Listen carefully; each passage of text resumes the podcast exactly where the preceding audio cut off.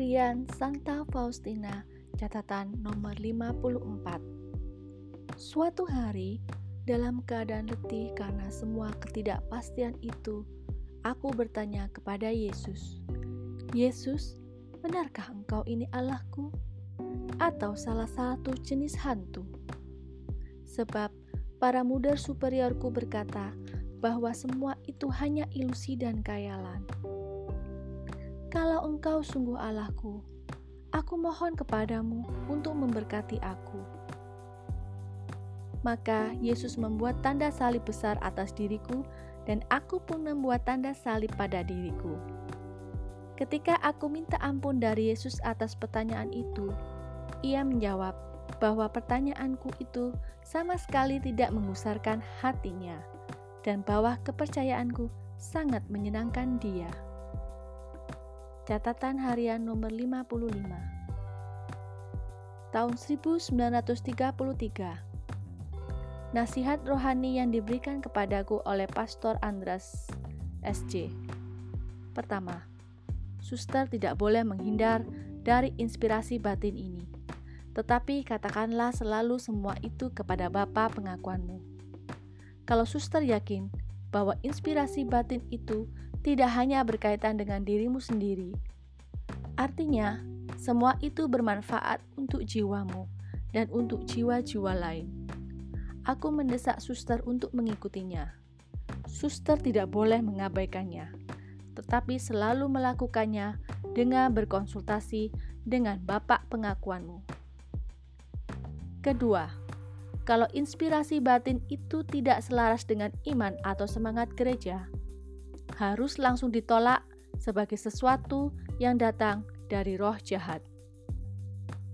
Ketiga, kalau inspirasi itu tidak berkaitan dengan jiwa-jiwa pada umumnya atau tidak sungguh bermanfaat bagi mereka, suster hendaknya tidak menanggapinya terlalu serius dan kiranya akan lebih baik untuk mengabaikannya. Tetapi hendaknya suster tidak mengambil keputusan seorang diri sebab dengan mudah akan tersesat meskipun rahmat-rahmat ilahi yang besar.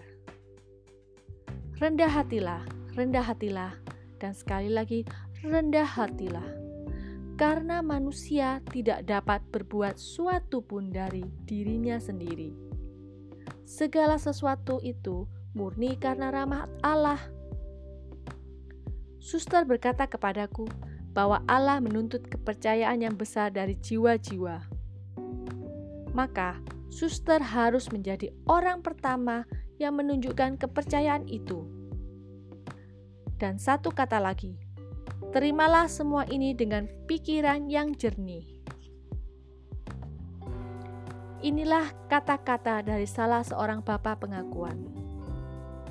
Suster, Allah sedang mempersiapkan banyak rahmat istimewa bagimu tetapi berusahalah membuat hidupmu sebening tetes air mata di hadapan Tuhan, dengan tanpa mempedulikan apa yang dipikirkan orang lain tentang suster. Biarlah Allah cukup bagimu, hanya Dia.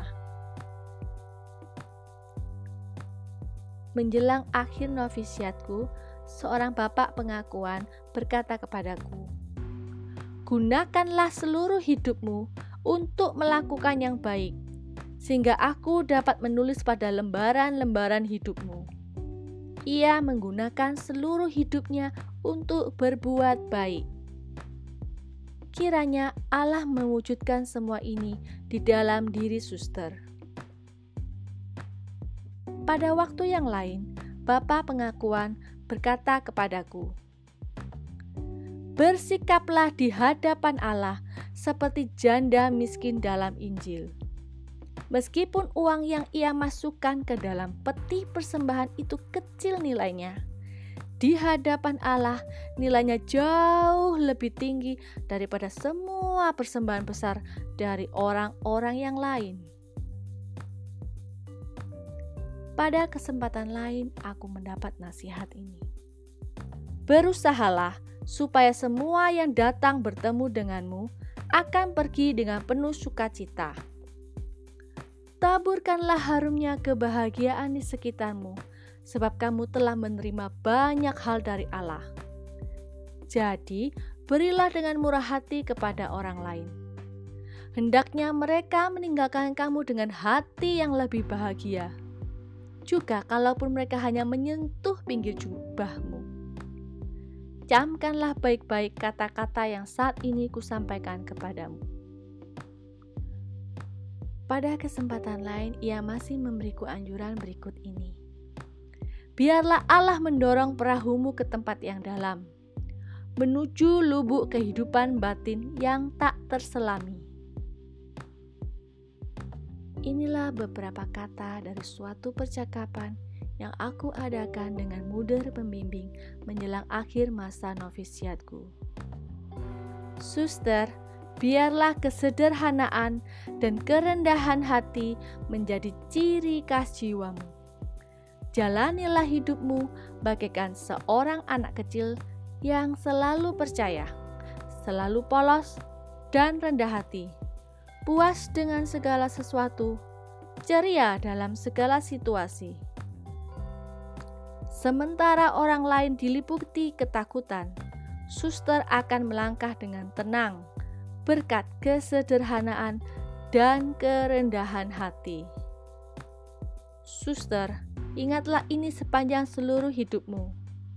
Sebagaimana air mengalir dari gunung turun ke lembah-lembah, demikian juga rahmat Allah mengalir hanya ke dalam jiwa-jiwa yang rendah hati.